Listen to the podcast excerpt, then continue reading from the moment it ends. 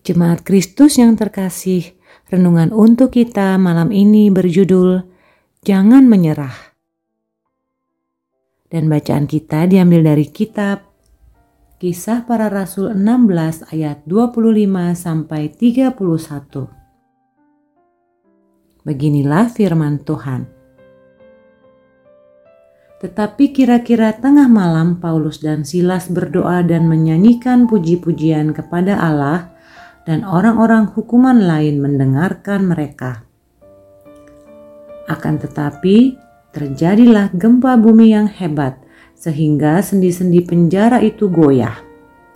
Dan seketika itu juga terbukalah semua pintu dan terlepaslah belenggu mereka semua.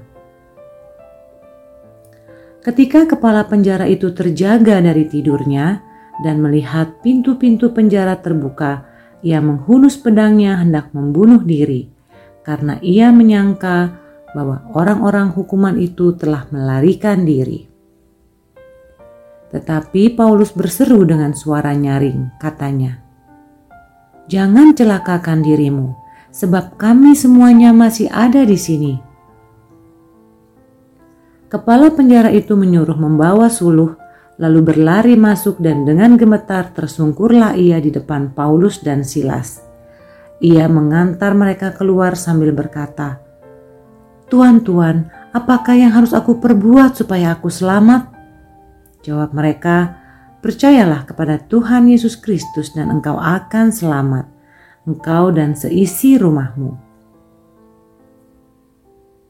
Kalau seandainya kita yang ada di posisi Paulus dan Silas, apa kira-kira perasaan kita saat harus disesah, dipenjara, dan dituduh berbuat yang tidak benar? Rasanya menyerah adalah jalan yang paling logis untuk diambil atau bahkan mungkin tak mau lagi mengerjakan pekabaran Injil. Akan ada seribu alasan untuk kita berhenti ketika tekanan yang dihadapi semengerikan apa yang dialami oleh Paulus dan Silas. Namun kita menemukan dan melihat bahwa Paulus dan Silas tetap pada prinsipnya dan mereka terus setia mengabarkan Injil. Bahkan mereka tak takut saat masuk penjara dan itu dibuktikan saat ada kesempatan untuk lari. Mereka tidak mengambil kesempatan itu. Apa yang ditunjukkan oleh Paulus dan Silas menjadi teladan iman yang dapat kita renungkan bahwa saat kita tak menyerah, Tuhan selalu memberi jalan, baik melalui peristiwa mukjizat yang di luar nalar manusia, seperti yang dialami oleh Paulus dan Silas, pun dapat juga melalui peristiwa-peristiwa kecil dan sederhana. Namun, itu menjadi jawaban yang paling tepat dan paling kita butuhkan.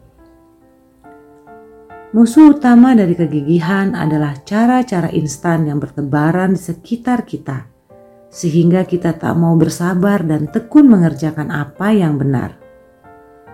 Jangan menyerah, itu berarti kita harus bersedia melangkah semampu kita sampai titik darah penghabisan.